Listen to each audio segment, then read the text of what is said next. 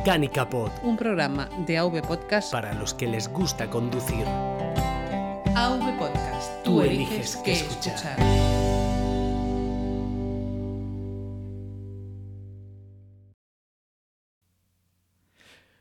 Buenos días y bienvenido a Mecánica Pod, el podcast de motor de AV Podcast en su episodio número 17 correspondiente al 23 de marzo de 2018.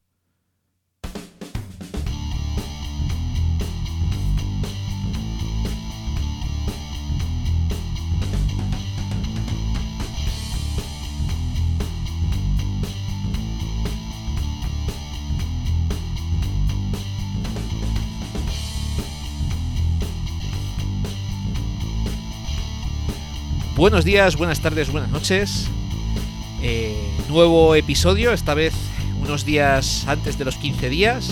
A ver si conseguimos mantener la racha de cada 15 días. Al otro lado del hilo, en Galdácano, debería estar Pedro. Estoy, estoy, estoy. De vacaciones además. O sea que eh, podemos grabar en los próximos 16 días las veces que tú quieras. bueno, pues nada, que usted disfrute las vacaciones. Eh, eh, ¿Planea hacer algún viaje durante estas vacaciones? Alguna cosa relámpago seguramente. Pues irme una tarde a tomar unas cervezas a San Juan de Luz. Estas cosas que hacemos los vascos, ya sabes. Sí, sí, es eh, como os gusta la, montaña y las landas. esto, está un poquito más al sur de las landas, pero sí, te lo compro, efectivamente. No, no, no va a haber grandes salidas porque como tú sabes a finales de mayo hay casa nueva y eso, pues hasta que no pase el arreón de saber cómo van los números, uno no se relaja. Lógicamente, por otra parte. Yo, mira, en cuanto terminemos de grabar, me tengo que ponerme a, preparar el coche, eh, porque mañana por la mañana pronto eh, voy a Getafe a una carrera. Y bueno, pasaremos ahí el fin de semana a ver si el tiempo nos respeta mínimamente. Bueno, queremos imágenes en Instagram. Eh, bueno, y eh, más que en Instagram, sobre todo los pondré en este grupo de Telegram. También, también. Mira, mejor en pues el grupo de Telegram, sí. Sí, mejor en el grupo de Telegram, que está siendo un éxito eh, y ya somos 65 miembros. Toma ya. Que no está nada mal. Mejor en, mejor en Telegram, sí. No digo yo que no digo yo que Telegram sea perfecta, pero con todo lo que está ocurriendo con Facebook en los últimos tiempos, yo todo lo que huele a Facebook, mm. así que ponnos fotos en Telegram. Bueno, pues un saludo a, los miembros del grupo de, de, Mecánica Poz.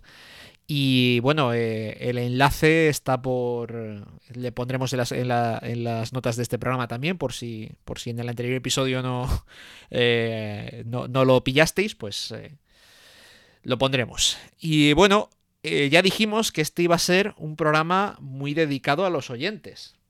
¿Me vas a hacer trabajar?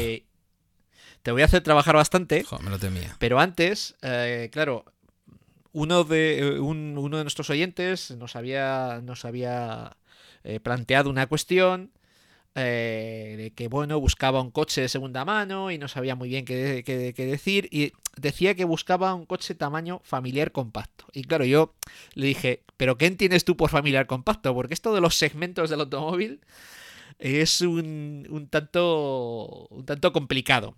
Entonces eh, pensamos que pues estaría bien explicar los diferentes segmentos que hay, más o menos, porque luego ya veremos que hay, hay eh, fabricantes que tienen coches a medio a medio a medias entre uno y otro. Bueno, ya eh, lo, lo iremos viendo.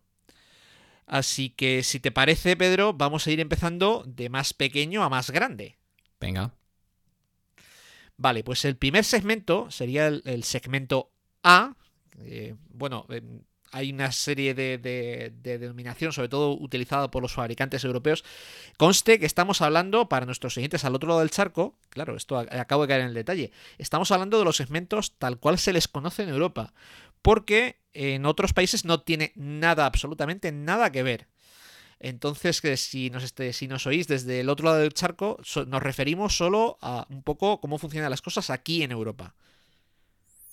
Bueno, eh, en cuanto a la denominación, cuando nos expliques qué tipo de vehículos son, yo creo que más o menos, aunque es verdad que no, los mercados no son idénticos, pero más o menos yo creo que se pueden ubicar coches que todos tenemos en la cabeza en cada uno de los segmentos, ¿no? Relativamente, y ahora Sí. verás por qué. Venga, pues a ver. Eh, empezamos por este segmento A, también llamado el de los polivalentes, que esto siempre me ha hecho mucha gracia. Y serían los coches más pequeños. En este segmento tendríamos el Renault Twingo, el Volkswagen Up, eh, Seat Mii, eh, Toyota Aygo, eh, Peugeot 108 me parece que es, Citroën C1. Son coches muy pequeños. Eh, casi casi podríamos llamarles eh, más que de eh, cuatro plazas, de, de dos más dos. o sea que polivalente es lo justo. Sí, siempre me ha hecho mucha gracia que, que se les llame polivalentes. es una cosa que no. eh, en, en alguno de los sitios que leí hablaban de que los polivalentes eh, no pasaban de 3,75 de largo. Ya. Bueno, no sé. Sí, pero eso, Eh, no, bueno. eso no explica la polivalencia. Podríamos pensar que se refieren a que pueden hacer de moto o de coche. Pu- puede ser. También piensa que quizás el, el pionero en este segmento, o uno de los más reconocidos, sería el primer Twingo. Sí. Y si has convivido con uno de esos coches, recordarás que verdaderamente era polivalente, porque hacía de medio furgonetilla, eh, Aquel coche. moderadamente amplio, a- aquel coche. lo- aquellos lo- asientos que se hacían cama. Sí, sí, aquello era una maravilla. Lo probamos, eh, Teresa, Maite y yo, la madre de Guillermo, cuando finalmente Teresa se compró el, el Citroën. eh, ¿Cómo es? El chiquitito, el Saxo. Del Saxo. que hemos hablado aquí alguna vez y que ya se ha deshecho de él, lo ha vendido. Aquello era increíble. Era un coche increíble. Incluso yo creo que con el tiempo le terminabas cogiendo muchísimo el, el cariño. Este segmento, fíjate, el, el otro día en el viaje a, a Iparralde, eh, como dices tú, ¿no? A las Landas y bueno, a Iparralde, al, al norte de, al norte del País Vasco, al sur de Francia, es un segmento que mm, impregna las calles de las ciudades francesas. No tanto las autopistas, que también, pero en las calles no ves otro Sí. tipo de coche. Hay que pensar que los franceses, en general, o sea, estamos hablando de generalidades, ¿eh? por supuesto, que nadie se nos enfade. Pero generalmente los franceses tienen una visión muy eh, pragmática, muy útil del Sí, coche. es lo que te iba a decir. Utilitarista es la palabra nunca mejor dicho, ¿verdad? Exacto, entonces- para ir y volver. En España somos muy de burro grande, ande no ande, y cuanto más grande, mejor. Y de hecho, si tú te coges eh, las listas de ventas, comprobarás como en España el coche más vendido suele ser eh, un compacto, eh, un León o un Megán. Alguna vez eh, suele ser el Ibiza, eh, que sería del siguiente, del siguiente segmento. El, eh, este sí que le llaman utilitarios, que sería el segmento B. Cuando en otros países de Europa, por ejemplo en Francia, suelen ser coches de este segmento B. Pues este segmento A, fíjate, es muy curioso el saxo, porque a día de hoy sería un segmento A claramente y en su momento era un segmento B.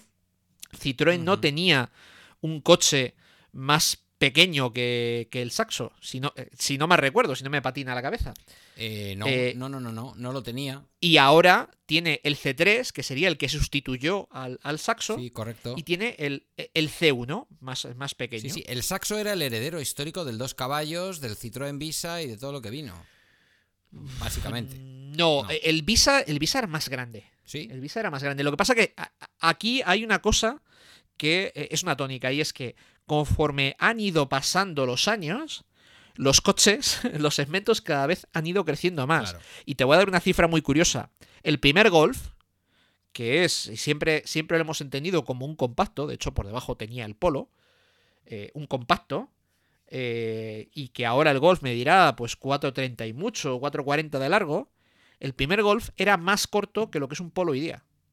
El primer Golf me parece que Sí. eran 3.85 o algo Sí, así. sí. Y de hecho en el último programa lo hablábamos, ¿no? Como en buena medida en, en programas, en canales de YouTube y tal, en la prueba del último polo, del polo de este año, se habla de que es el heredero, ¿no? Del espíritu de aquel Golf.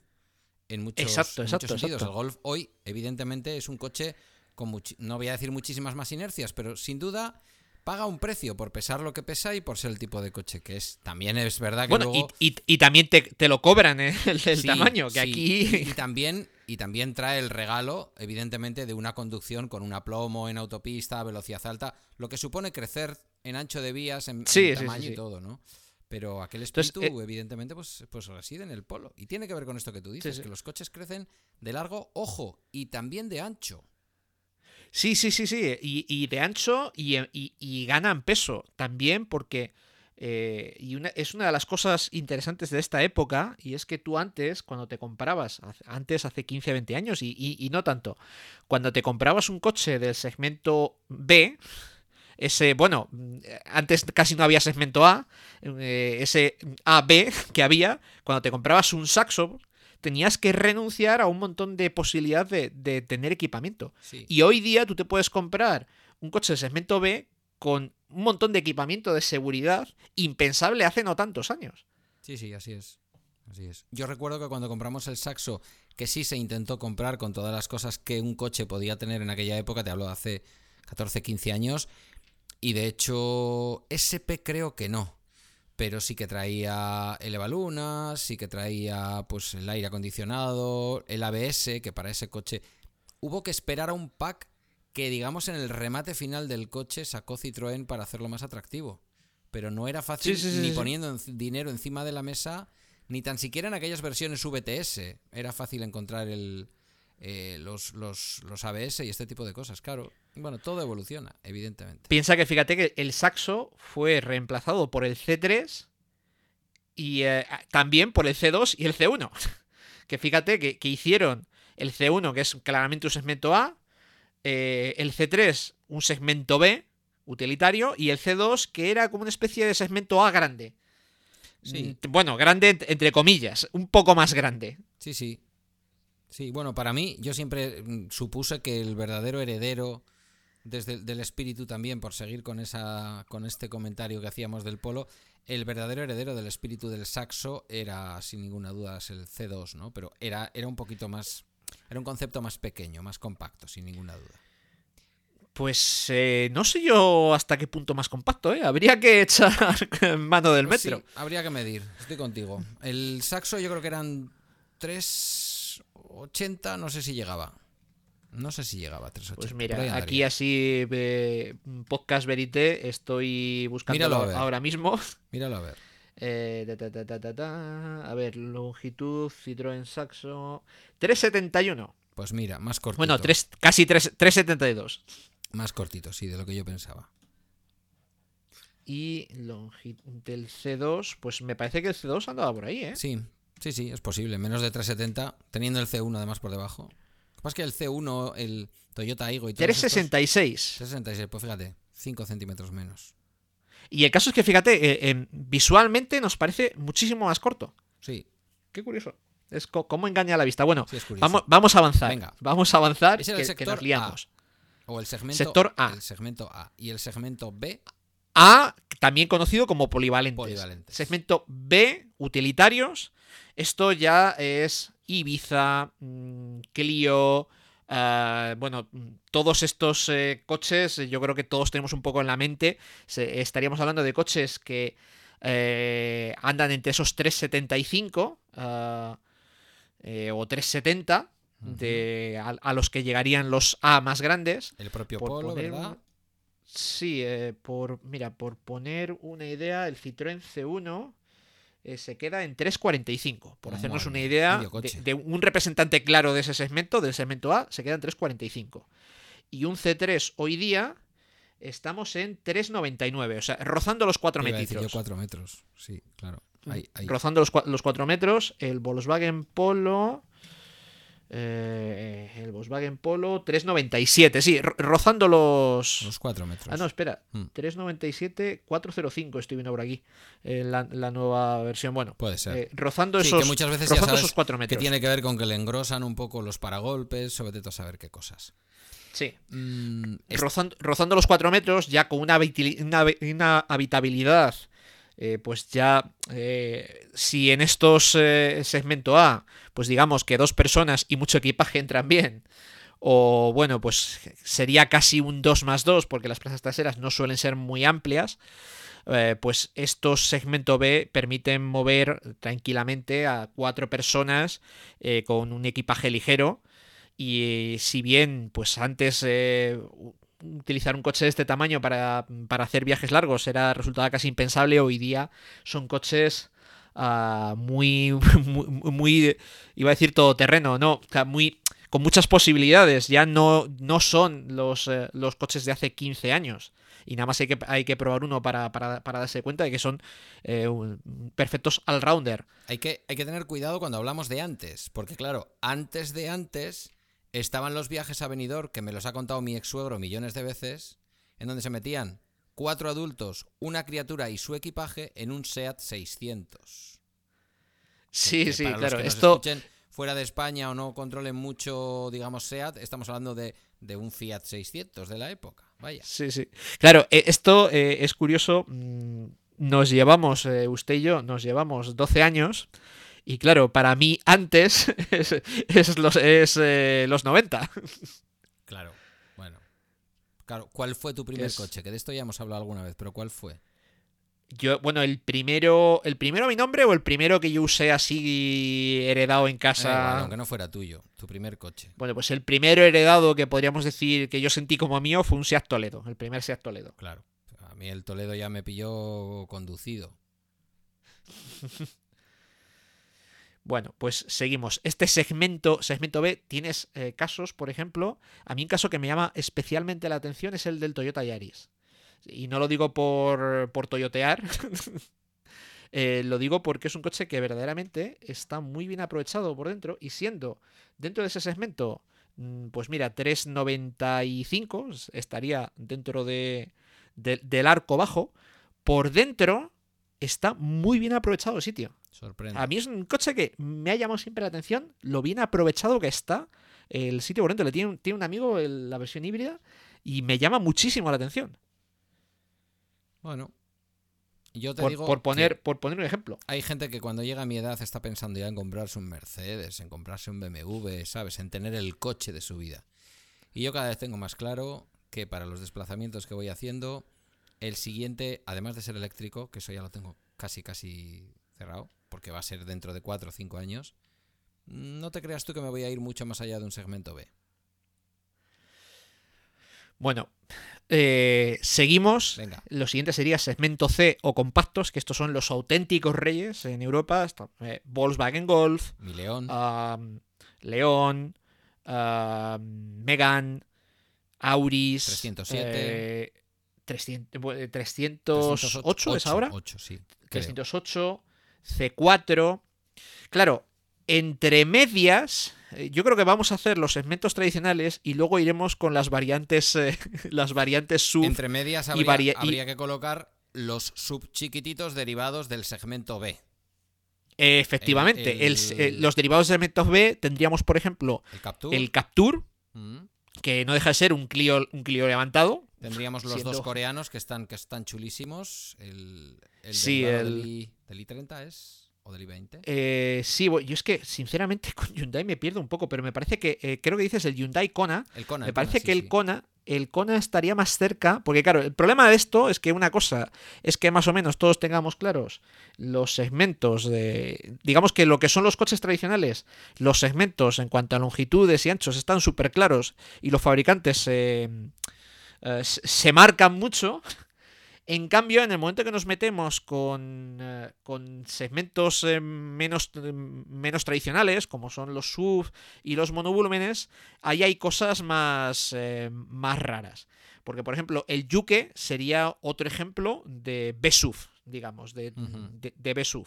y cuando salió el Toyota CHR, todo el mundo decía que el CHR era eh, para contrarrestar al Yuk, cuando en realidad el CHR es bastante más grande. Es más grande, sí, sí. El, CHR sería un C-SUV, pero un C-SUV tirando a pequeño.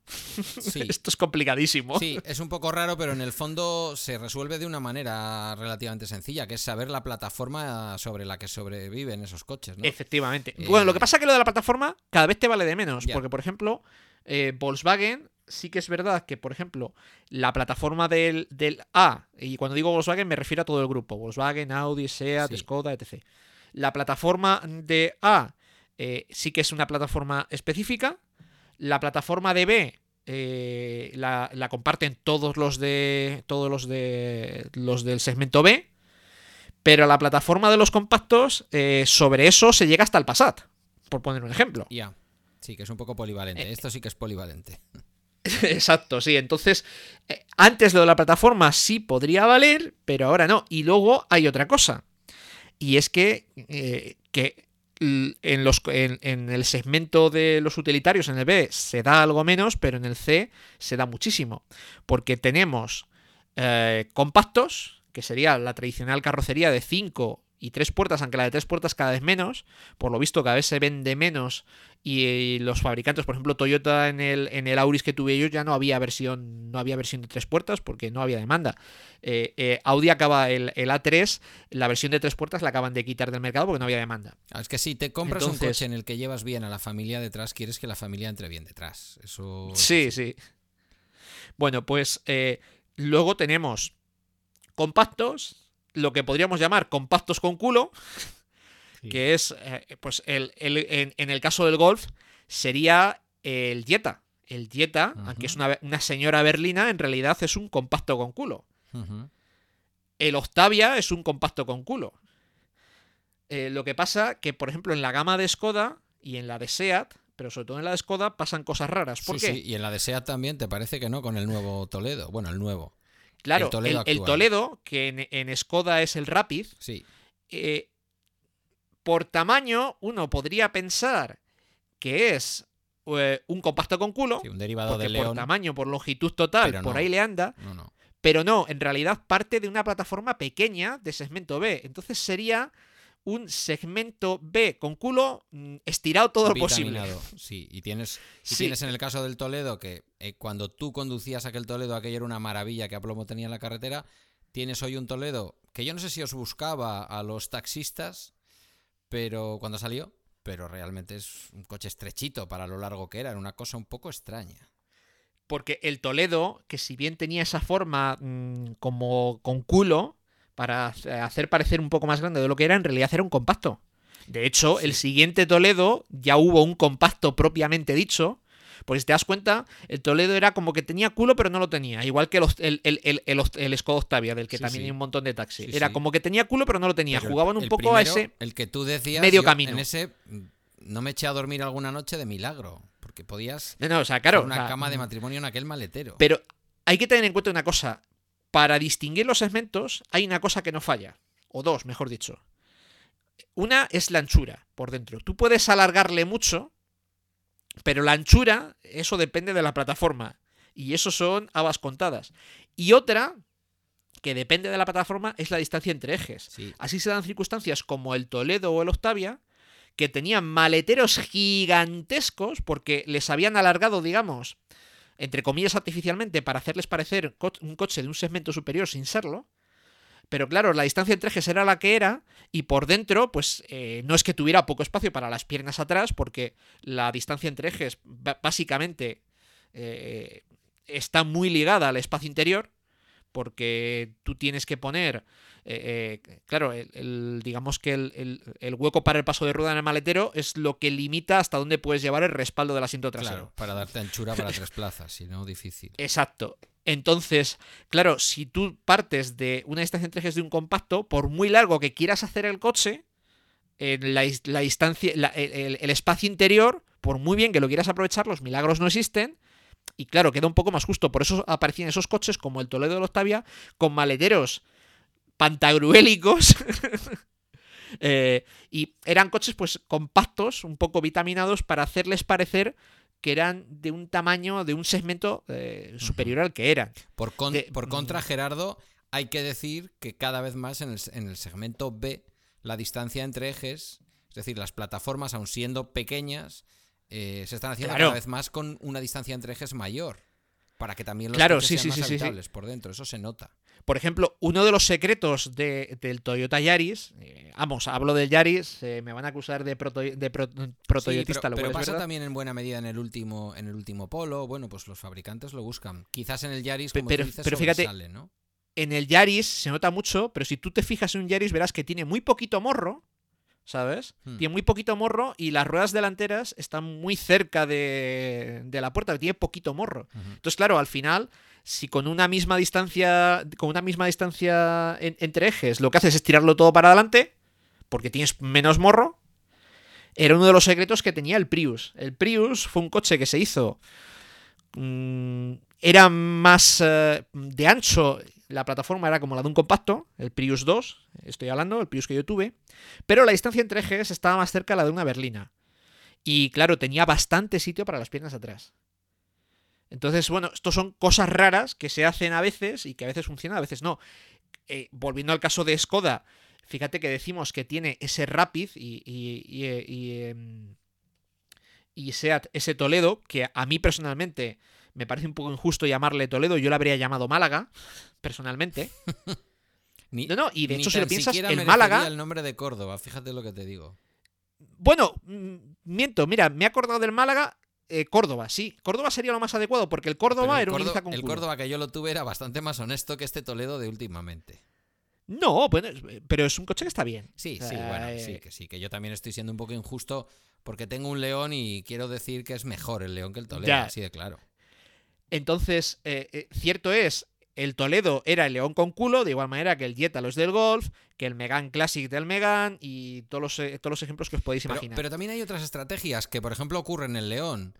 Es decir, mm, nos olvidamos de una berlina y potenciamos muchísimo fabricar un coche familiar Break, vamos a decir, ¿no? El, el Sportback o como le queramos llamar. sí, que integra muy bien, porque yo hay veces que me encuentro de frente, incluso en según qué vistas, algunos Seat León, y fíjate que conduzco uno, y muchas veces con Guillermo, mm, hasta el último momento no nos damos cuenta de si es realmente un vehículo con, con maletero, digamos, Sí, eh. diferenciado, ¿no? Eh, al fin y al cabo, los compactos con carrocería familiar son una solución, eh, pues eh, ya no son aquellos coches fúnebres que decían nuestros padres, cada vez son más bonitos. Más integrados, sí, y- sí, sí, sí. más integrados. Yo mismo, bueno, pues el, el- el Auris, el Auris que yo tuve era eh, familiar. De hecho, ya dice un poco de cómo lo quieren colocar cuando su eh, el nombre de la versión era Touring Sports. que, bueno, le ponemos Sports a todo. y en el queda segmento bien. B ¿eh? se, se hacen también ya con este tipo de, de Claro, sí, sí, tienes el Ibiza, el Ibiza ST, el Fabia familiar, eh, el Clio, mm, creo que sí que le hubo familiar. Sí, sí, sí. eh, sí, sí. O me está patinando la cabeza. No, no, no, no. Lo hay, lo hay. El, el 206 familiar la había, yo no sé si se, el- si y te digo más, el el- 207. El Clio es una solución chula, ¿eh? Te das cuenta que es un coche pequeñito, pero es una solución que, bueno, en fin. Claro, pero es que eso, los fabricantes franceses en ese tamaño no pueden fallar, literalmente. O sea, no se pueden permitir el lujo de fallar, Claro. porque eh, mucho, eh, su mercado interior depende en gran, en gran medida, en gran medida de eso. Aquí antes no lo decíamos, pero aquí también el tema del coche y del caballo grande ande o no ande y de comprarme un coche mayor y gastarme ese plus que me puedo gastar en el tamaño del coche y no en equiparlo en condiciones, tiene mucho que ver también con el estatus, digámoslo. Sí, Que yo me fui buscando... pero bueno, eh, generalmente Me fui buscando un Citroën ZX cuando después me compré, creo que fue cuando me compré luego ya el Córdoba, y a mí directamente un comercial de Citroën me dijo, mira, el ZX es un vehículo extraordinario, diésel y tal, aquellos motores ya, ¿no? Que empezaban a ser legendarios. Pero me dice, pero si te compras el coche no por practicidad, sino por estatus, me lo dijo literalmente, ¿eh? te recomiendo el Santia. Y dije, no, el coche no me lo compro por estatus, oiga. qué cachondo. Sobre todo porque si quiero estatus no me compro un Citroën, pero bueno, esa es otra película. Ya, ya acabo de Bueno, ofender pues- a todos los propietarios de Citroën. Bueno, pues eh, ofen- ofensas aparte. eh, fijaos cómo eh, parece que todos tenemos muy claros los segmentos, los segmentos concretos, ¿no? A, B, C. eh, pero claro, empiezan los fabricantes a hacer cosas, cosas por el medio. Porque D no existe. Y una de las cosas. ¿Eh? D no existe. Sí, sí, sí. El D sería ya el de eh, Berlina. Sí. Que ahí ya, ya tendríamos eh, el Passat, el Talisman. eh, eh, Vale, entendido. Passat Talisman. El Avensis, Mondeo. El eh, digamos, eh, 807, 808, como vaya ahora el Peugeot. No, los 800 eran los 600, monovolúmenes. 600, 600. 500, 508. Por el 600 sería el E. Ah, joder. Ya las berlinas de representación que se dice, ¿no? ¿O qué? Sí, exacto. Eh, D sería berlina y E sería berlina de representación. Pero ¿qué pasa? Los fabricantes eh, eh, alemanes, el, el, trío premium, que es Audi, BMW Mercedes, para esos dos segmentos tienen tres tamaños. Tienen el tamaño de serie 3, clase C y A4, que bueno, cada vez han crecido más y antes estaban en tamaño un poco por debajo de ese segmento D, que solía rondar sobre los 4 metros 70, una cosa así de largo. Eh, ahora ya eh, más, más cerca de los 480 y 480 y algo que otra cosa, pues tenían estos eh, segmentos pequeños, pues que andaban sobre los 450 y pico, 460, eh, cerca de lo que puede llegar a ser un compacto con culo. Un lo segmento es que con culo. Ahora ya no tanto, porque han empezado a jugar también en las ligas de los, de los utilitarios, ¿no? Para poder vender en todos los segmentos. Pero quizás habría que entender que en su momento esas tres marcas premium, como dices tú, jugaban su propia liga. Es decir, yo te voy a vender siempre claro. La idea de berlina de representación. Eh, lo estoy simplificando mucho, ¿eh? Y te la voy a vender en tres tamaños distintos. Por al final no al final yo creo que también era una cuestión de, eh, mira, pues el tío que, que va por un pasaz o un mondeo, eh, les ofrezco esto que es un pelín más pequeño por poquito más. Y era una manera de, de, robar, de robar clientes, digamos, al segmento de, de, la berlina. Entonces luego, eh, estos tres tienen lo que sería o un D plus o un... más bien un E, la verdad Ah, que sería clase E, A6 y BMW Serie 5, que están todos rozando los, los 5 metros o un pelín, un pelín por debajo. Y, entraríamos luego de pleno en, la, en el segmento E con el A8, entiendo. Eh, el A8, el clase S y el Serie 7 serían un E plus, digamos. Porque dentro de ese segmento E tendrías las berlinas grandes, gigantes de los generalistas que cada vez quedan menos. Pero que estaríamos hablando, bueno, en su momento del C8 y del 608. Porque no se me ocurre ahora mismo otra berlina gigantona de generalista. Pero por ejemplo en Ford, que antaño, si os acordáis, estaba el Mondeo y el Scorpio. Sí, qué bonito coche el Scorpio. ¿Qué pasa? Claro, el Mondeo ha ido creciendo tanto que se ha puesto en, tamaño de Scorpio, digamos. Y en realidad, claro, al final los fabricantes generalistas, entre que cada vez las berlinas están menos de moda, y esto es algo que hemos comentado con varios oyentes, por desgracia, cada vez las berlinas están menos de moda, cada vez tienen menos, eh, menos aceptación, menos, lo piden menos los clientes, se venden menos. Entonces, claro, eh, ya muchos fabricantes, lo que se llaman los generalistas, los fabricantes más de andar por casa en cuanto a estatus, que estos en cuanto a acabados y tal sería discutible en según qué casos, pero en cuanto a estatus, eh, si quitamos, que, esto sería quitar, quitar BMW, Mercedes, Audi, y bueno, de hecho, si os fijáis, la gama de Lexus está muy copiada en cuanto a tamaño eh, a, esta, a, esta, a, estos tres, por poner un ejemplo, y apostaría que la Infinity también, así de memoria.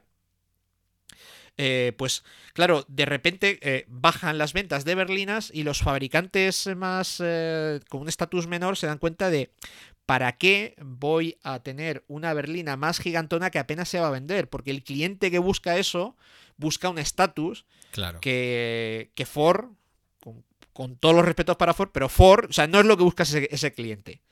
Entonces, eh, en el caso de Renault, por ejemplo, intentaron salirse por la tangente, si os acordáis, con el Belsatis. Tenían el Laguna, que era un segmento D, y como segmento E, sacaron el Belsatis. Qué bonito. sacaron el Belsatis con la cosa de, mira, no se puede correr, hagamos un coche amplio para, para viajar, aunque sea feo y parezca un monovolumen, porque como total no se puede correr. Cuestión de gustos. El concepto Sí, bueno, al a final mí me parecía un concept car puesto en la carretera, me parecía un coche precioso.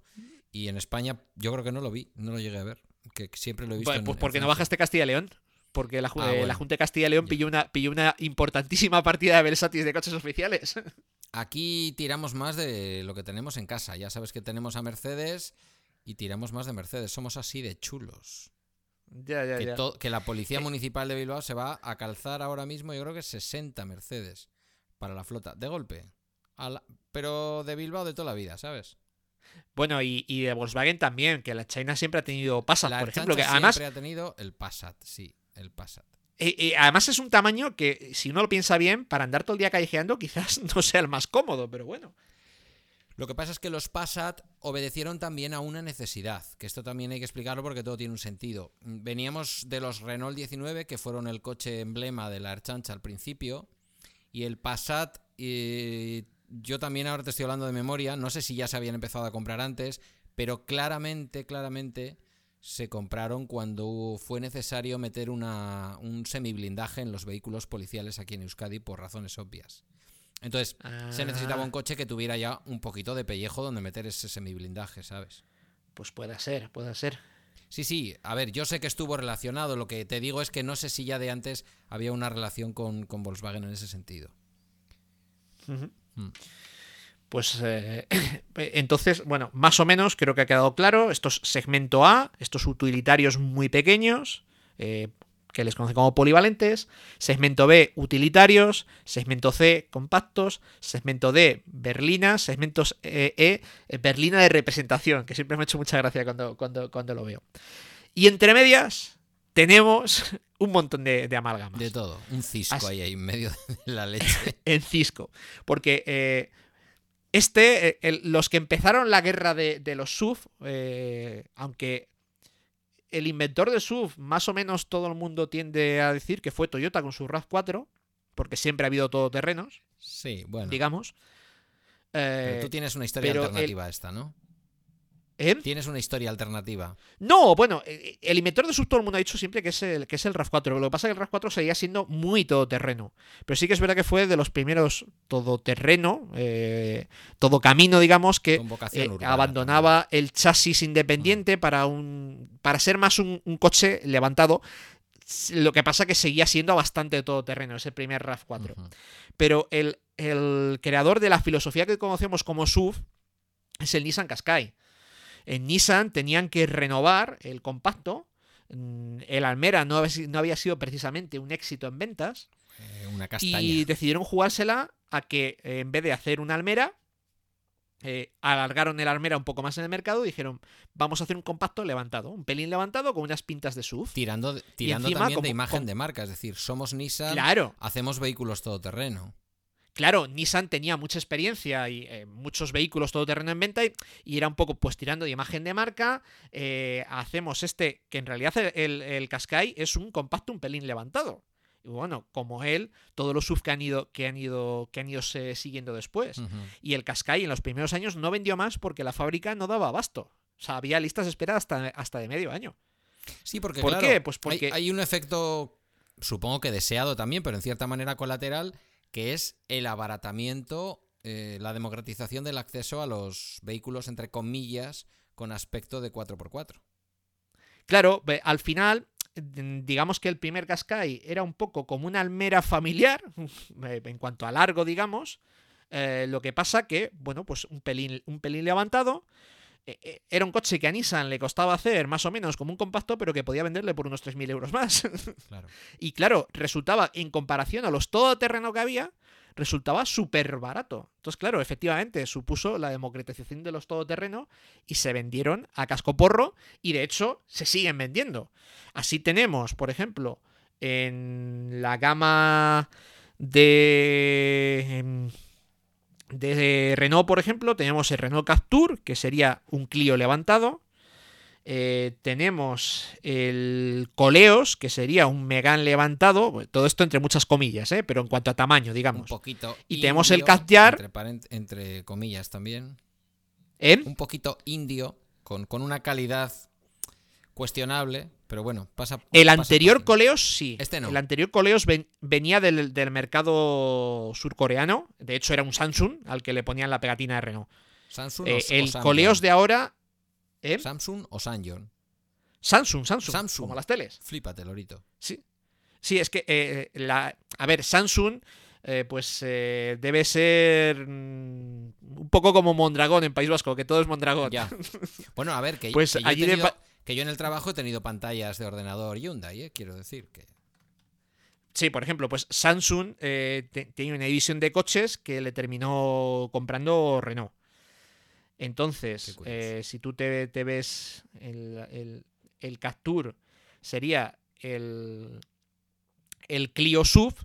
Si os acordáis, antes del Captur estuvo el Modus, que fue un Clio monovolumen que no tuvo éxito en el mercado. También es verdad que mm, salió un pelín caro para lo que, para lo que era. Y un pelín feo. Eh, bueno, eso es otra consideración. Sí, sí.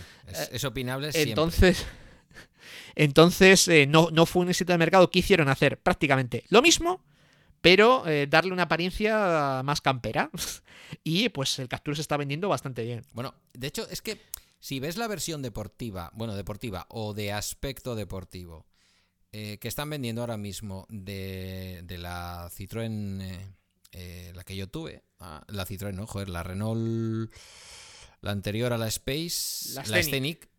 La Scenic, hay una versión naranjita con unas llantas chulas que lo mismo son de 19 pulgadas. Y hay un. No, ahora las Scenic ahora. Lo ves desde un punto, desde un sesgo, que hay un momento en que dices, mm, parece un sub. Las Scenic ahora de serie me parece que venían, no sé si con 19 o con 20 pulgadas mínimo. Joder. Una auténtica burrada. Pero, eh, y además son medidas. punto Racing y ese punto también. Sí, son, son medidas específicas para, para Scenic. Ya, ya no recuerdo si eran 19 o 20 pulgadas. Lo que pasa que al menos han tenido el detalle de, claro, si tú normalmente si querías 20 pulgadas tenías que ir unas 2.35 mínimo. Y han tenido el detalle de hablar con los fabricantes y decir, desarrollemos eh, llantas grandes, que la gente es lo que quiere, que la llanta sea grande, pero en un ancho normal, un 195. Cuando dices que, al menos han hablado con los fabricantes, en el caso de Renault, se han ido y han hablado con Michelin. bueno, creo que Pirelli también le servía, pero bueno. Mira, me, estoy equivocando porque eh, he cambiado el orden al Katjar a Coleos, que se, nota que yo la gama de... la gama de... El Katjar es el, que... El Katjar sería el Megan levantado. Y el Coleos, sin, sin ser un segmento eh, sin ser un, talismán levantado, eh, pero es más, eh, es más grande que, el Katyar. ¿Qué pasa? Que, por ejemplo, Toyota, dentro de su SUV, el RAV4, aunque supuestamente es del mismo segmento que un Volkswagen Tiguan, pues no hay que ser muy druida para darse cuenta que un RAV4 es bastante más largo que un, que un Tiguan. Aquí, de todas Entonces, eh, corrígeme si me equivoco, eh, que también es un misterio para mí. Uno de los éxitos de este tipo de vehículos frente a sus equivalentes, vamos a decir, eh, de turismo normal, es que con un poquito más de precio, realmente el espacio que se gana es grande y esto no ocurre porque sí, ocurre fundamentalmente por esto que tú dices de que se gana espacio al suelo y se gana espacio desde el suelo del coche, vamos a decir, hasta el techo, como le pasa un poco a los monovolúmenes. Eso hace que puedas ir en una posición más erguida y que en los mismos 4 metros de un. Pues, ¿qué te digo? De un Ibiza. Eh, metas a mucha más. A la, gente de una manera mucho más cómoda, a lo mejor en una arona. O con un poco más de maletero, por ejemplo. El secreto En realidad. Aparte de la el, ¿eh? secreto es. Eh, no hay que. No hay que seamos sinceros, de alguna manera que los monovolúmenes se pusieron de moda eh, porque ofrecían mucho más espacio interior en el mismo tamaño, los SUV hacen más o menos lo mismo, pero claro, mientras eh, tendemos a ver los monovolúmenes como algo aburrido, quizás, pues los SUV juegan la baza emocional dentro del haber más tamaño. Sin olvidar que todavía una parte importante del mercado del automóvil se dirige a los tíos. Que, pues, que algo tendrá que ver, ¿eh, mm, Gerardo? Es, muy posible, es muy posible, me todo terreno, con esto me voy a montar, yo voy a subir por el monte. Que no vas a hacer nada de eso, que es un tracción a dos ruedas y no lo vas a sacar de la ciudad. Sí, bueno, de hecho, claro, eh, el Cascais fue de los primeros SUV, además, que se ofrecía en mm, versión sin tracción total, porque el RAV4, siendo SUV, era tracción 4 y no había, creo que al principio por lo menos, no había eh, versión eh, tracción simple. Y el, en, el Qashqai fueron, fueron muy lógicos y dijeron, si total nadie lo va a meter por el campo, ofrezcamos una versión eh, con, tracción, tracción simple. Y otra pregunta de estas aquí, que sirven para simplificar, que ya sabes que a la gente que entiende menos como yo, mm, nos gusta tener las cosas claras. Mm, ¿Y qué te iba a preguntar yo? Joder, la, Ah. joder, la edad. ¿Cómo estamos? Eh, mira, voy a aprovechar para meter en lo que te lo piensas. La gama de Dacia. Sí. eh, bueno, ah, eh, dos cosas. Hablábamos de que aquí en España somos de burro grande, bande no bande. Para hacernos una idea, el Renault 7, que era un 5 con culo, fue un invento de aquí de España. Para aquí, para nosotros. Para- Sí, sí, sí, sí, fue un invento de Renault España. Curioso. Eh, y eh, de hecho, generalmente siempre para mercados emergentes, que estos eh, los, los fabricantes del automóvil siempre tienen unos, unos eufemismos que me hacen mucha gracia. Mercados emergentes, léase en países del tercer mundo, siempre tiran de segmento B con culo. De hecho, el Logan, el Dacia Logan, que le vemos como una berlina y que podríamos incluso pensar que es un compacto, no deja de ser un Clio con culo. Bueno, tú lo ves como una berlina porque eres un tío muy optimista. Bueno, pero hay que decir, eh, eh, la forma es la de. Podríamos incluso pensar que es un compacto con culo. Sí, pero. Sí, a, a ver. Sí, sí. O sea, sí, yo sé los segmentos que los segmentos que son y yo viendo un coche a mí no me engaña Sí, sí, que está eh, claro. no me engaña la distancia entre ejes, Como pero el- mucha gente Como el Elise, entiende este, ¿no? el, el Citroën que, Elise. que- que un claro entiende que pues el Citroën CLS que es un coche pues el, el Citroën CLS es un C3 con culo. Sí, sí. Ahora más Pero claro, tú lo En ves- su momento feo, con perdón, de cojones. Entonces tú lo ves, ¿sabes? Y eh, eh, juegan un poco, no a engañar, pero bueno, a, a que se perciba eh, que hay ahí más de lo que verdaderamente hay. Entonces el Sandero es un Clio, sí que es verdad que quizás un pelín, un pelín más grande que, que el Clio, me parece. y el Logan es un Sandero con culo. Y, y ya está, sería un B con culo, un B sedán. Lo que te iba a preguntar, que, que me interesa que quede claro, si, es que, si es que estoy acertado, ¿eh? Mm, vemos los sub y vemos coches que aparentemente son mejores que el turismo del que se derivan. Mejores entre comillas y de una manera general, ¿no? Es decir, es un coche mejor, vale. Porque ocupa, o sea, porque permite ir a más gente o a la gente de una manera más cómoda o tal. Puede que para viajar tengamos más espacio, pero la calidad de conducción no es la misma, ¿verdad? No, Gen- aunque cierto es, Generalizando. generalizando, cierto es que han avanzado muchísimo. Incluso yo tuve ocasión de probar un Qashqai en un viaje largo que hice a, a- a Sevilla. Y la verdad es que, oye, pues iba bastante bien. Muy común turismo. Me recordó más a, una- a un monovolumen que a un todoterreno, por ejemplo. Pero claro, la física es la que es Exacto. y tendemos a pensar en los todoterrenos como coches más seguros porque, cierto es, hay una parte de seguridad pasiva en el sentido de que al ir más alto ves un poco más, pero en realidad también tienes el centro de gravedad más alto y es más fácil que vuelque. Eh, cierto es, los SUV hoy día son, no dejan de ser derivados de turismos, eh, turismos un poco más altos. De esto, además, Dacia son, son unos, son unos grandes, porque cogen eh, y cogen estos Sandero Steepway, por ejemplo, Ujú. Que dicen, no, no, es la versión todoterreno, que lo que han hecho es levantarlo dos, dos centímetros y ponerle unas defensas de plástico y unas barritas arriba y mira, parece un todoterreno, ¿no? Esto, bueno, no, no son los primeros que... De hecho, yo creo que el primer ejemplo eh, un Polo. que vi una cosa así... eh, no, el... Bueno, el Golf, el Golf Syncro, que sí que estaba levantado y que hubo muy poquito, o sea que yo fue más un experimento. Pero como algo de intentar colarla, porque ese Golf Syncro tenía mucho de todoterreno, eh, tan ese Sí. Golf Syncro tan levantado. Ese yo lo he visto mucho. El- lo he visto mucho porque el en la City zona. En la zona de Mayavia, que es una zona por la que yo paso, con mucho caserío, había un par de ellos. Yo creo que un amigo del Pues- otro dijo que te va a ir bien. Y se los compró. Pues eh, el, yo creo que el primer caso sí que recuerdo de decir, le ponemos unos plastiquets y que parezca un todoterreno.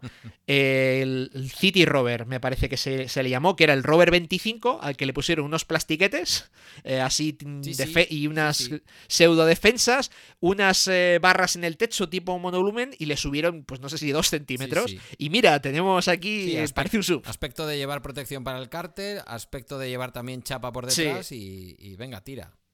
Y, un- y Eh, unas lo taloneras cierto- o alguna cosa de estas y ya está. es que un SUV en general, a ver, está siendo muy generales, habría que mirar modelo por modelo, pero en general un SUV, eh, por ese mm, ser un pelín más levantado, suele hacer concesiones y tendrías más espacio en el monovolumen equivalente. Mm, eh, y de hecho, eh, incluso tendrías algo más de espacio, suelen andar, eh, andar en el mismo precio o ligeramente más baratos el, el- el monovolumen equivalente. Sí, pero que. Pero bueno, lo- de lo esto que de los SUV- A la física no se le puede engañar. Si el, Exacto. si el diseñador tira más o el ingeniero tira más a que se parezca más a un 4x4, vamos a decir, a un, a un vehículo todoterreno, y le da un poquito más de altura, y le da un poquito más de altura también en el techo, no solamente distancia de suelo y altura en techo, ya nos estamos yendo a un comportamiento que por narices pues eh, se va a perjudicar en, en velocidades altas en zonas Pero claro, variadas. de una manera muy relativa, porque luego tienes, por ejemplo, eh, casos como Porsche Cayenne, eh, Hombre, sí. que eso, Sí, o sea, sí. andan, andan de narices con todo lo todoterreno que sea. La cuestión es, ¿se perjudica contra el coche? Por ejemplo, a ver, ¿un Tiguan va a tener peor comportamiento dinámico que un Golf? Por cachavas. El comportamiento dinámico que tiene el Tiguan es, a, a día de hoy, con lo que han avanzado ruedas y, eh, y lo que han avanzado en suspensiones, sobre todo, es más que suficiente para moverte No, eh, no. para, para que no, no me- suponga un hagas problema. trampas. También. No me hagas trampas. Me estás respondiendo si es suficiente y eso yo estoy seguro que sí, pero tú has preguntado si es igual que un golf. No, igual que un golf no puede serlo. Correcto. No puede serlo. Y sus consumos tampoco. O sea, porque, porque la física, claro, porque la física es la que es. Sí, sí. De hecho, claro, eh, un SUV que suelen equiparlos con ruedas más grandes, por el tema también de dar esa óptica de todo terreno, eh, eh, claro, te perjudica el consumo más alto, Más consumo, eh, más ruedas más grandes, más coeficiente de rozamiento. O sea, al final los milagros no existen. Claro. Pero bueno, de esto de los SUV hablaremos más adelante, porque hay otros segmentos. Eh, hemos hablado de los segmentos, eh, bueno, de los SUV, de los monovolumens, pero me gustaría también hacer un pequeño inciso con el tema de las furgonetas, Venga. que también tienen su. eh, su. mm, eh, su segmentación, digamos. No he encontrado si existe un segmento de en cuanto a letras o tal, pero hay más o menos tres, tres segmentos muy concretos. Tendríamos lo que se ha conocido toda la vida como derivados de turismo, que eran estos, estos express, que no dejaba de ser un R5 al que le cortabas por la mitad y le ponías un- una caja detrás. Ah, o, bueno, mismamente la Cirila de toda la vida era un dos caballos cortado al que le ponías una caja por detrás. ¿no? es. Bueno, pues estos derivados de turismo, aunque a día de hoy los derivados de turismo generalmente ya son em, desarrollos propios, ¿sabes? No, no parten necesariamente de, de, un turismo, pero bueno, se le sigue conociendo como derivados de turismo. Luego tendríamos em, lo que sería furgoneta pequeña. Estas furgonetas están más cerca, en cuanto a ancho, de un turismo, Suele haberlas en dos longitudes y dos alturas. Eh, la longitud pequeña suele andar entre los 470, 480 hasta rozando los 5. Y la longitud larga 530, 540. Eh, la altura eh, mm, pequeña suele andar rozando los 2 metros, con lo que por debajo de 2 metros te permite meterlo en muchos sitios en los que entrarías con un coche. La mayoría de los parkings subterráneos suelen andar en ese entorno de los 2 metros, por ejemplo. Eh, y eh, la altura, la, la- la siguiente altura, además en esto eh, se suele, casi todos los fabricantes utilizan la misma te- terminología. L1H1, pues longitud 1, altura 1. L1H2, eh, pues es corta y alta. Y así, ¿no? Eh, bueno, claro, en, los, en la siguiente, en, en esta, en estas furgonetas pequeñas, solo hay, solo, solo suele haber dos longitudes y dos alturas. Ahora Peugeot eh, sacó, sa- bueno, Peugeot Citroën sacaron la- las nuevas y estas ya tienen tres longitudes que lo que han hecho es sobre todo hacer una longitud extra corta. Pero bueno, lo habitual es dos longitudes, dos alturas. Y eh, luego ya estarían las furgonetas grandes o los furgones que pueden llegar a tener hasta 4 o 5 longitudes. La longitud más corta suele estar sobre los 5 metros y a partir de ahí vamos saltando de medio metro en medio metro hasta los 6 metros 50 que es lo máximo por ley y suelen tener tres alturas. Eh, la altura 1 suele ser sobre 2 metros 20, de ahí a 2 metros y medio y de ahí casi hasta 3. Esto estamos hablando de dimensiones máximas por fuera, no de caja. Evidentemente. Eh, estas dimensiones tienen un gran impacto sobre el tamaño en la caja, lógicamente. Sí, sí. La mayor diferencia entre las furgonetas grande y la pequeña es el ancho. Tú te coges, por ejemplo, una Sprinter de Mercedes y una Vito, eh, y una, una Vito en su versión larga y alta, puede tener tanto o más sitio que una Sprinter en su versión corta y baja. Pero claro, la Sprinter es mucho más ancha. Tenemos ya invitado por aquí. Ha venido una criatura de 14 años del, instituto. Que dice que. ¿Sabes qué me dijo el otro día? Que no necesitaba parking. Le he comprado una plaza de garaje adicional en la casa nueva. Dice que no necesita parking. No sé si es que no quiere tener coche o que piensa irse de casa a los 18. Puede que las dos cosas, porque es, un hecho que, la gente joven cada vez eh, le interesa menos eh, conducir. Es, eh, las, los datos están ahí. Cada, vez la gente joven se interesa menos por, conducir. Pues a alguien le tengo yo que pasar el León dentro de cuatro años para comprarme el León eléctrico, ese que han anunciado bueno, seguro que ahora, ahora te dice eso, pero yo creo que ya va, va siendo momento de que yo creo que ya nos hemos alargado bastante con esto de los segmentos y va siendo momento eh, de darle la voz a nuestros oyentes. Eh, me gustaría eh, mandar un mensaje a un oyente muy especial que sé que nos oye y que está en el grupo y decirle que sabe dónde localizarme y que cuando quiera, pues hablamos. Madre mía. Esto, no, no, pero, pero de buen rollo, ¿eh? Más que, más que podcasting es una especie de mensaje. Con menos que esto se hizo la revolución de los claveles en Portugal, que lo sepas. Sí, sí, sí, sí. todo un mensaje bueno, eh, no, no quiero dar explicaciones, eh, ni me las pidáis, por favor. Eh, a mí me ha sorprendido bastante encontrarme a, este oyente. Y bueno, yo estoy abierto a, lo que, a lo que él quiera, siempre lo he estado.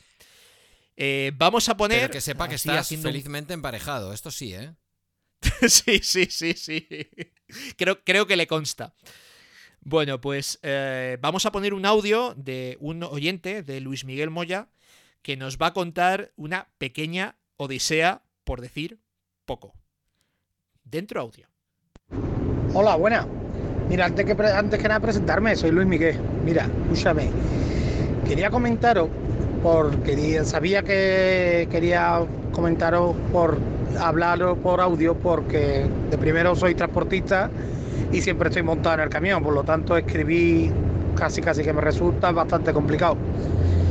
Y por eso quería mandaros un audio, eso de primero.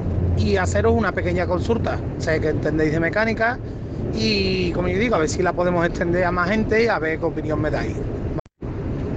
Resulta de que el año pasado me compré una Renault Espace del modelo 5, el modelo nuevo, una 1600, 160 caballos. No es la gama premium, pero es la siguiente, podríamos decir, la segunda más alta de la gama, que está bastante bien, con muchos extras y la verdad es que es un vehículo que me gusta, muy bonito y demás. Pero resulta de que yo la compré con 8 meses, era un vehículo que venía seminuevo, estaba bastante bien con 30.000 kilómetros, mentira, 26.000 kilómetros. Y la verdad que principio me ha dado muy buen resultado, un coche potente, un coche que cuando le pisa tira, un coche que va bien. Cambio automático, eh, de diésel y la verdad que en principio todo muy bien. Eh, con el tema del vehículo, tal y como te comenté, lo compré el año pasado y resulta que tras estar con el eh, ocho meses aproximadamente o nueve meses, eh, resulta que empieza a hacer un ruido y se me va la caja de cambio. Yo pensé que era un ruido de la transmisión porque venía del lado izquierdo, pero claro, es verdad que trae motor transversal y el motor transversal con la caja de cambio en el lado izquierdo, por lo tanto, claro, por eso venía de ahí. Y empezó con un pequeño ruido. Te vuelvo a reiterar que mi vehículo es automático. Y nada, total, lo llevo a Renault, lógicamente en garantía porque todavía le quedaba le queda un año de garantía, es más, a día de hoy le queda un año y dos meses todavía después de, la reparación. En definitiva, resulta de que han desmontado la caja de cambio, resulta que la caja de cambio estaba hecha polvo, se había roto un rodamiento y por lo que se ve la caja de cambio estaba por dentro bastante tocada. Entonces lo llevan garantía, se han pegado un mes y pico con el coche en el taller pero por fin me la han reparado a base de discutir con ellos en consecuencia de que, claro, que estaban tardando mucho y que esta gente decían que las cosas de Palacio iban despacio, que esto iba a través de garantía y que en el taller no me podían hacer nada. Por lo tanto, no he podido solucionar más que ese tema. Total, en definitiva, se han pegado con, un, con el coche un mes en el taller. Yo he ido a verlo conforme iban desmontando y demás. Y resulta de que al desmontar también tienen otra pequeña fuga por el tema de la transmisión. Perdón, por la transmisión no, por la distribución. Este lleva distribución por cadena y tiene también otra pequeña fuga cada aceite. En definitiva, me han tenido que poner lo que es el, el retén del cigüeñá, que también tenía otra pequeña fuga, la caja de cambio con el embrague, el volante del motor y podríamos decir por el lado opuesto al motor, que está la distribución, me han puesto lo que es la, la tapa de la distribución nueva, han cambiado lógicamente el aceite del motor y me han puesto también lo que es las correas de servicio, los tensores y los rulos de servicio. Por lo tanto, hombre, ahora mismo en principio yo no soy mecánico, pero entiendo bastante de mecánica. Soy camionero, tengo cinco camiones y monto y desmonto camiones. Entonces entiendo bastante. Sé que es una reparación bastante gorda, pero a la misma vez es una reparación en la cual no se ha tocado bloque de motor. Por eso te decía que este audio iba a ser un poquito más largo para poneros un poco en contexto. Y resulta de que ahora no sé qué hacer con el vehículo, porque después del vehículo la reparación que se le ha hecho, no sé si quedármelo o venderlo y comprar otro vehículo, porque claro, un vehículo de estas características, estamos hablando de un coche que vale nuevo, 40.000 euros, y haya tenido ya este tipo de avería, la verdad es que me tiene un poco acojonado, ¿sabes? Y no sabía si quedármelo venderlo, pero también por otra parte, es verdad que la reparación que le han hecho es una reparación bastante, bastante amplia. Estamos hablando de, me encuentro con ahora con un vehículo que tiene casi dos años, que tiene puesto caja de cambio nueva estrenada, volante de motor, embrague y por el otro lado la correa de servicio y todo cambiado. Ah, que no sé, ahí es donde tengo la duda. No sé si venderlo y comprarme otro nuevo o a la misma vez o dejarlo, quedármelo, aguantarlo un poquito, como todavía le queda un año de garantía y apurarlo un poquito más. El coche tiene ahora mismo actualmente 40.000 kilómetros dos años, no llega a los dos años, un año y diez meses. Y, hombre, aparte de esa avería, la verdad es que no me ha dado nada más. Pero claro, es una avería bastante gorda. A ver qué opináis ustedes. Bueno, ¿qué, Pedro? ¿Cómo se te queda el cuerpo? Pues a la gente le pasan cosas muy cosas muy raras. Y claro, yo me quejo de que no me funciona el start stop pero después, ya ves, la gente se gasta las perras y los coches a veces, bueno, no sé si los coches, son las marcas, son los que nos venden los coches o, qué pasa, pero bueno, supongo que como cualquier producto de consumo te puede salir malo. Sí, sí, por supuesto. Yo, a ver, yo entiendo la preocupación que él tiene de, claro, de ahora qué hago. Yo personalmente, y bueno, ya se lo he dicho, intentaría, dado que bueno, que, la marca pues tiene una imagen que, lavar y el concesionario también, podríamos entre comillas decir que le debe una, intentaría forzar la máquina a, bueno, a decir, venderme otro y pagarme bien este. Y pagarme bien este. En cualquier caso, si no, como todavía le queda garantía, puede aguantar y ver si la cosa, pues con el tema de la garantía, en el periodo que dure la garantía, si, si ve que le vuelve a dar, a dar guerra, pues lo mejor que puede hacer es quitársela de en medio, porque es que no va a ganar para sustos. Sí, hombre, es verdad que le queda plazo de garantías. Como él plantea, se puede esperar un poquito, ¿no? Pero, pero ojo, ¿eh? Ojo, porque en el periodo de garantía puede que no le vuelva a dar ningún problema y luego... Yo personalmente, la verdad, eh, claro, quizás eh, el otro día lo pensaba, que yo estoy muy influenciado, todavía incluso, eh, por la mentalidad de taxista, de buscando esa fiabilidad por encima de todo, ¿no? Pero yo lo he hecho, o sea, yo cuando he visto que se iba a acabar la garantía y que, y que había problemas, yo decía, mira, prefiero palmar pasta, eh, me lo quito, pero al menos estoy a gusto, porque claro, aquí hay algo que no se paga con dinero, que es estar a gusto y, no, tener esa preocupación. Ojo, eh, Gerardo, lo que tiene que tener claro también Luis es que él tiene que estar muy seguro de lo que vende, porque el comprador también le puede después buscar las vueltas y decirle que conocía vicios ocultos del coche, etcétera, etcétera. Sí, por supuesto, hombre, ahí eh, la solución más obvia es eh, por eso intentar apañarlo con la propia marca, para que pues la propia marca además hará más por pagarle un buen precio, por, por intentar contentar a un cliente ¿sabes? Y que y quitárselo, quitárselo de medio, evidentemente. Mira, yo tuve una experiencia que no sé si la he contado alguna vez, medio segundo, no tardo nada en decirlo. La Scenic apenas le había pasado lo que entonces, bueno, igual ya no se hacía tampoco, pero yo lo viví como un periodo de rodaje. Un día volviendo de Bilbao al trabajo, mm, pues el coche pierde fuelle, me encuentro que empieza a chorrear. ¿Qué había pasado? Se había saltado uno de los, eh, bueno, de los, de los eh, tubitos del Common Rail, ¿vale? Estamos hablando de la primera versión de los DCI.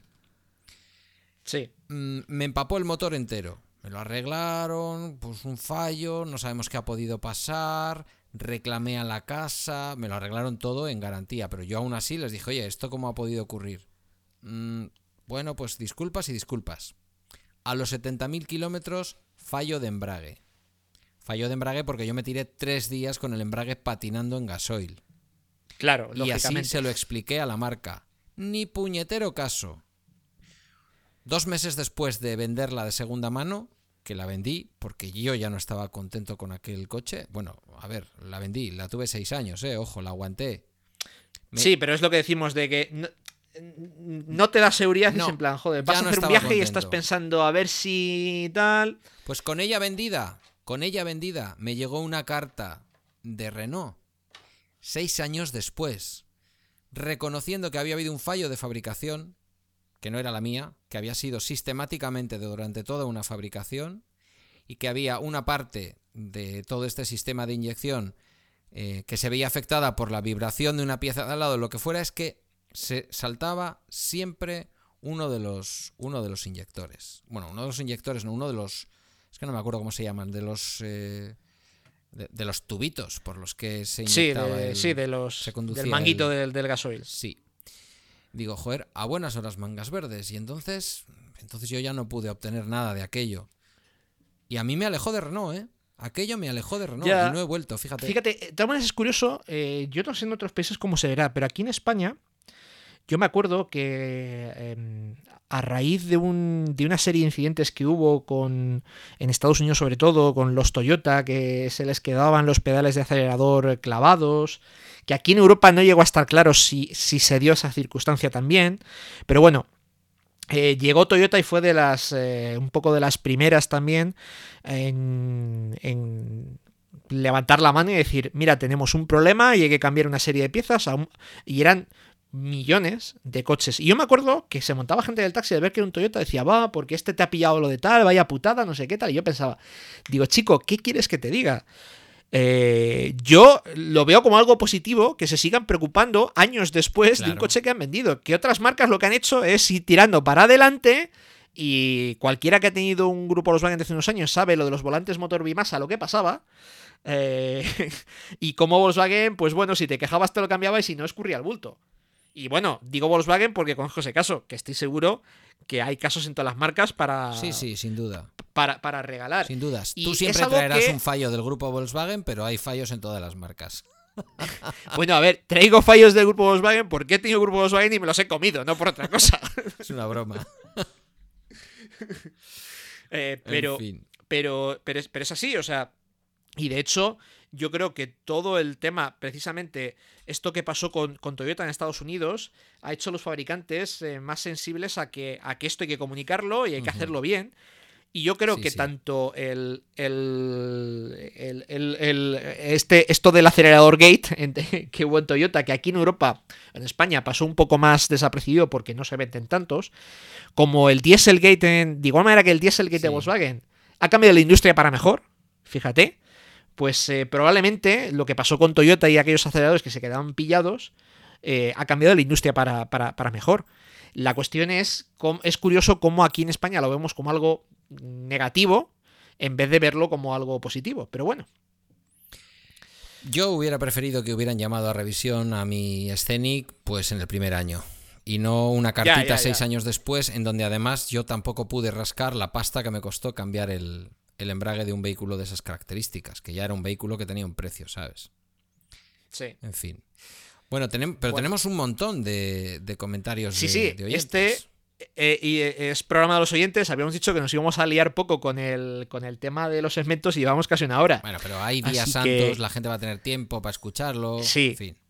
Así que si es usted tan amable de poner voz al señor Menasuma. Aquí es donde voy a pues poner esa voz random que siempre me faltan al respeto. Me le da igual, puede ser José Escolar, cualquiera de ellos que siempre se meten conmigo porque digo que pongo una voz random, ¿vale?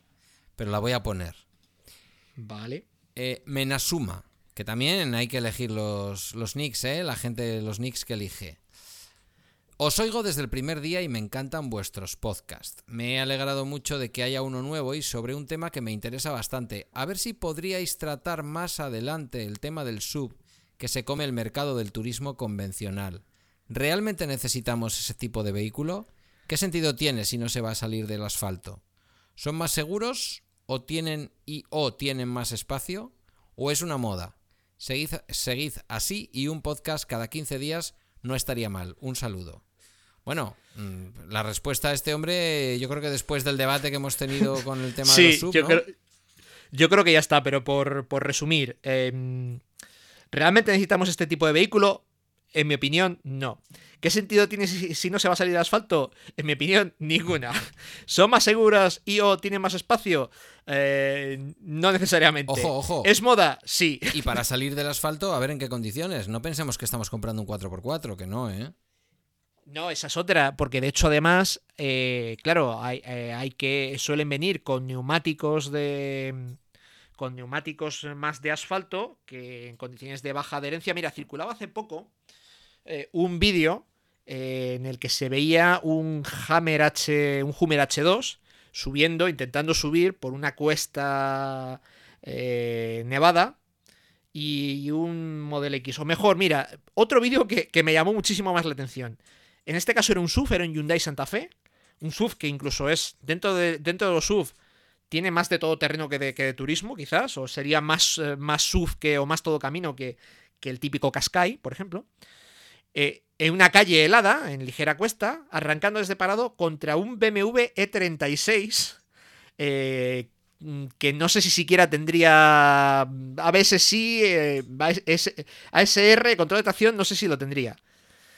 Y claro, el BMW tracción trasera. Y arrancan desde parado. ¿Quién creéis que ganó la carrera? Me lo veo venir. Pues ganó el BMW, porque el BMW llevaba gomas de invierno. Y a mí me llamó la atención cómo el Santa Fe, aun siendo 4x4, llevando gomas de verano, malamente conseguía moverse. Mientras el BMW arrancó como si tal cosa. Entonces, claro, uh, un SUV eh, con neumáticos eh, de tierra puede hacer cosas interesantes. Incluso sin ser un SUV. A nadie se le escapa el Panda 4x4 con buenas gomas puede hacer maravillas. Por poner un ejemplo. Claro, pero, pero luego en asfalto nos va a dar más ruido y más consumo. Es que siempre tenemos que saber. Claro. ¿Para qué vamos a usar el coche? Como una Esto, mira, yo ya sabéis que los coches cojos, las motos, pues yo no, no entiendo. O sea, yo es una cosa que a mí nunca, fíjate que muchos de mis amigos son moteros, pero a mí nunca me llama la atención. Y no, oye, que me parece bien, que le guste, tampoco lo veo mal, pero a mí no. Y yo me acuerdo que un día hablando con un amigo le decía que a mí las que eran así tipo París-Dakar, las trail que llaman, le dije, oye, pues si alguna vez tuviera que hacer una moto, como que le veía el concepto que más me, molaba, pues digo, mira, así estás un poco en, como en, entre, dos mundos. Yo creo que más por la estética del París-Dakar, que oye, pues eh, siempre uno lo recuerda de, de, tal, ¿no? Y me decía, no, bueno, pero es que estas en realidad tienen lo peor de los dos mundos. Pues yo creo que al final es un poco, un poco, un poco lo que pasa. O lo tienes de una manera o lo tienes de. O sea, o lo tienes con gomas de, eh, de todo terreno en cuyo caso te tendrás que comer los ruidos y el consumo, o lo tienes con gomas de asfalto, pero, no puede, pero si sales fuera del asfalto, eh, haces reír. Entonces, al final, los, milagros eh, no. Los milagros eh, no existen y la física, de hecho, mira, hace poco comentaba en un, grupo de WhatsApp en el que hay mucha, mucho quemado del motor. estábamos comentando yo no sé si os acordáis este prototipo que sacó Nissan para Le Mans, que era tracción delantera y la tracción trasera era híbrido y la tracción trasera la ponía los motores. Entonces, y yo dije desde mi posición de ingeniero de barra de bar que a mí me parecía un concepto interesante. Y me respondió eh, uno que, que entiende bastante más que yo, que dice, sí, sí, lo que tú quieras, pero la física no funciona como Ben Bowlby quiere. Ben Bowlby era el diseñador. Pues esto es, un poco así. Es así, efectivamente. No.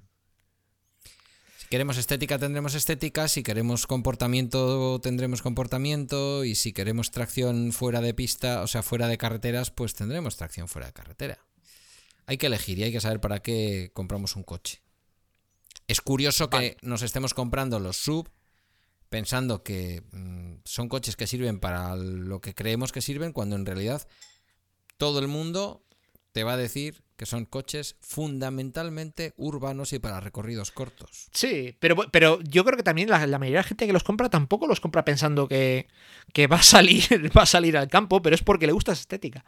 No hay más. Es como cuando se pusieron muy de moda las pick-up aquí en España, las pick-up de doble camina. Una, una, época en los 90 se pusieron muy de moda. En los 90, a finales de los 2000. Por, también en parte porque eran todoterrenos un poco más baratos y eran bastante menos prácticos. Pero bueno. Bueno, nos gusta lo americano. En Estados Unidos también están de moda. Llevan como siglo y medio de moda, más o menos. Bueno, allí el Ford F-150 es lo que más se vende. Sí, pero bueno, nosotros no lo entendemos, pero a ellos les funciona. El otro día me has dejado pegado con, hecho de, con eso de que vaya a haber una versión, no sé si me comentaste híbrida o eléctrica, me, me, dejó pegado, Sí, sí, sí, sí, sí, esto... Ya nada es lo que era, amigo, ya nada es lo que era. Continuamos. Sí, hay otro comentario de Peque. Y Peque nos dice. Que además estaban en, la misma. Estos comentarios estaban en. En, nuestra página, en la vpodcast.net barra mecánica eh, en la misma entrada, entonces digamos que en parte respondía a Menasuma. Sí, sí. Oye, y que muy bien, ¿eh? Porque yo te digo, Mecánica Pod es uno de los podcasts que genera más comentarios en la web. Ah, sí, sí, que lo sepas. Además de los de Evox, que también.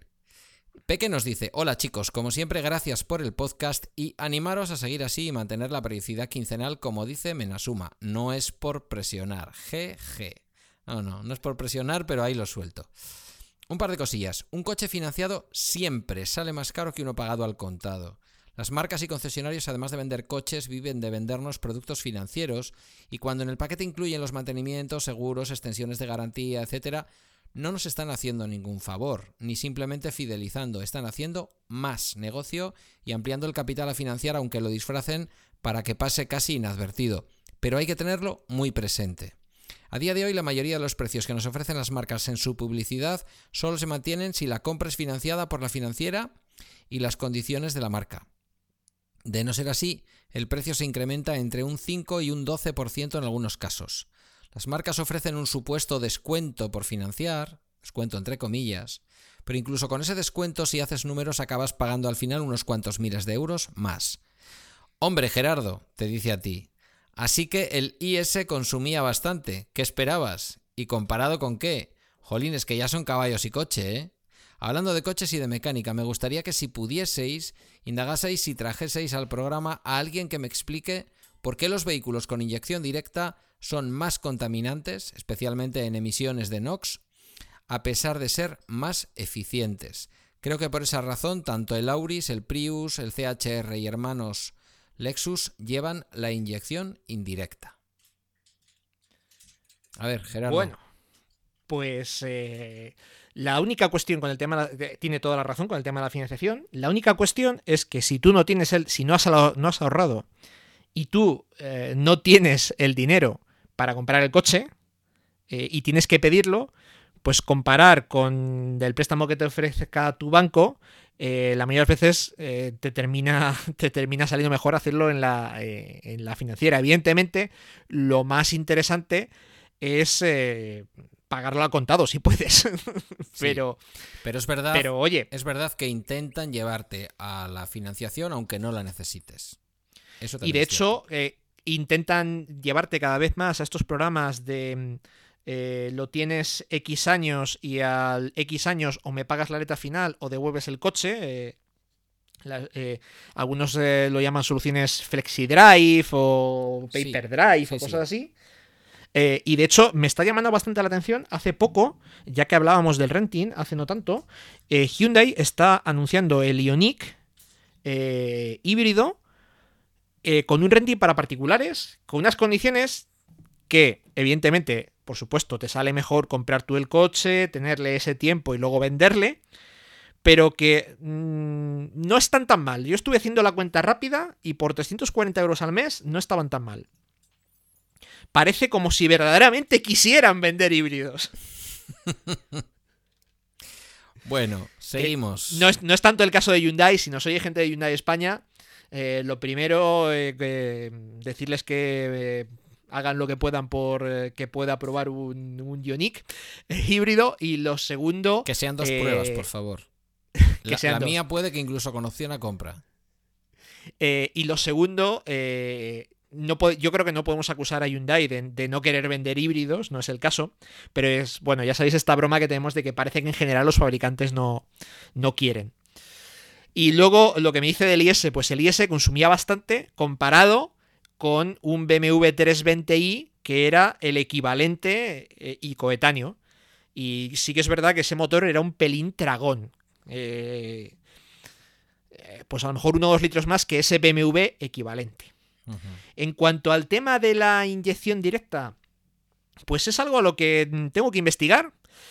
Pero quiero recordar que tiene que ver con que precisamente la inyección directa permitía inyectar a más presión y ese incremento de presión era lo que hacía que, eh, que hubiese que hubiesen eh, partículas y, emisiones de NOx. Pero investigar este tema. NOx, que es un tipo de oxidación del nitrógeno. Exacto. Ah. Sí, que es lo que, de lo que se les acusa principalmente a los, a los diésel. Bueno, pues Agustín nos dice, buenos días, tardes, noches. Enhorabuena y gracias por el programa. Hacéis que el camino al trabajo o la vuelta sea mucho más llevadera.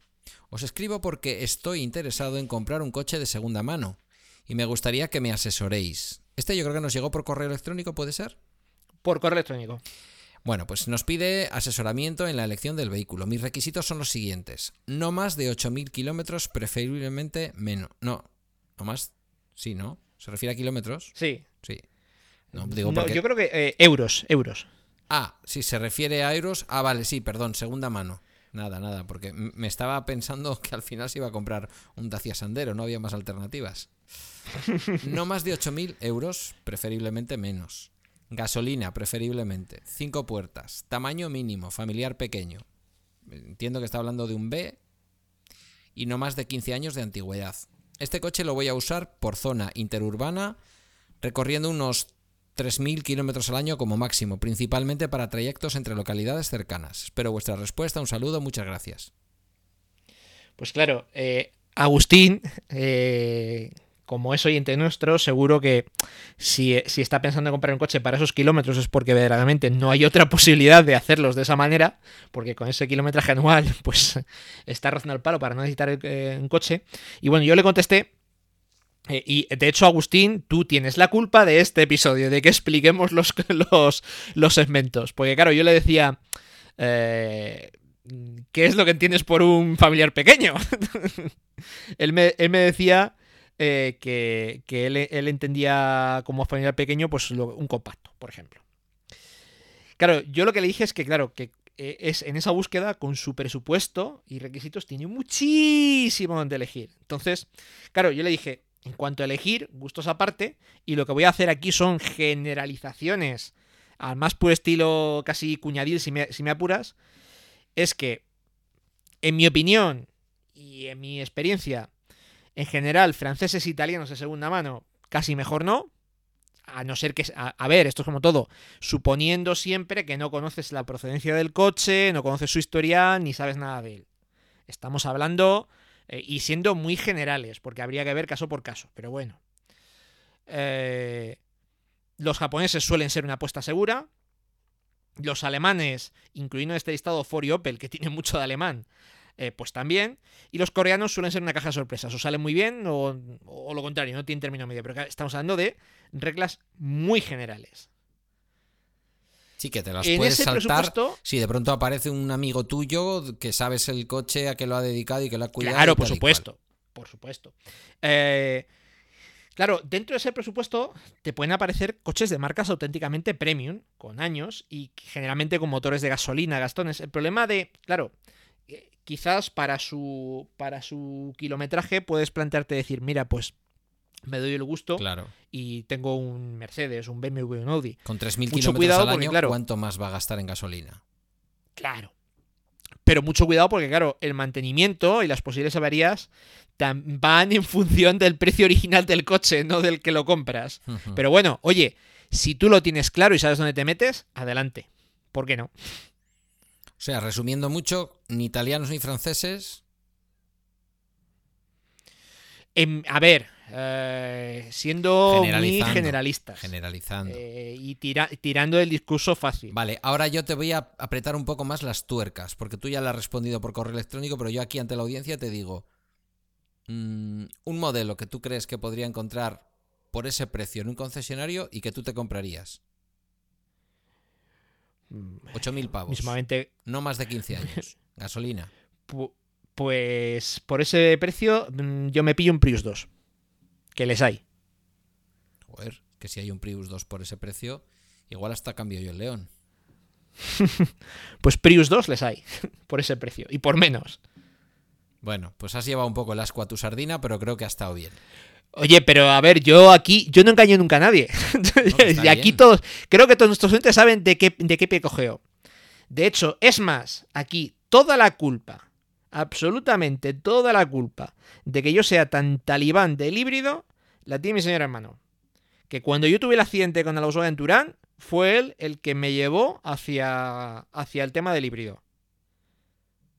Que luego él no siguió sus propios consejos, por lo que sea, no lo sé. Ya, estas cosas pasan. Consejos vendo, pero para mí no tengo. Pero. Pero yo, si ahora doy tanto la turra con los híbridos, la culpa es de mi hermano. Bueno, pues hasta aquí llegan los, llegan los comentarios. Has comentado lo de tu accidente con la Turán. Mm, y hablando de accidentes, ¿qué te parece lo del coche autónomo de esta semana? No sé si la audiencia lo ha oído todo el mundo, supongo que sí. Supongo que sí. Un Volvo autónomo, con conductor, semiautónomo podríamos decir, pero bueno, con, comportamiento autónomo. Eh, yo he visto, he visto el vídeo. Sí que es verdad. Sí, eh, he visto el vídeo. Sí que es verdad que luego alguien ha puesto otro vídeo en el que se veía bastante menos oscuro. Aún incluso en esas circunstancias, vamos a suponer que se ve como en ese segundo vídeo que han puesto que está bastante más claro. Está cruzando por un sitio eh, que eh, hubiera sido muy difícil que alguien prestando atención eh, no se lo hubiera llevado. Esa es mi, mi manera de verlo. O sea, esto, por desgracia, va a pasar. Y va a seguir pasando hasta que sean infalibles. Incluso cuando sean infalibles pasará. Porque hay cosas que ni el mejor de los conductores puede, puede prever. Y por ende ni la mejor de las máquinas. Ya. Eh, ¿Es deseable? Joder, por supuesto que no. Eh, todos querríamos que esa persona estuviera viva. La apariencia en el pero yo tampoco. La apariencia en el vídeo, que hay que decir que el que está circulando, por suerte, no incluye propiamente el atropello, ¿eh? no es ningún vídeo que no se pueda ver. Pero la apariencia del vídeo es que eso a mi modo de ver, no se puede evitar.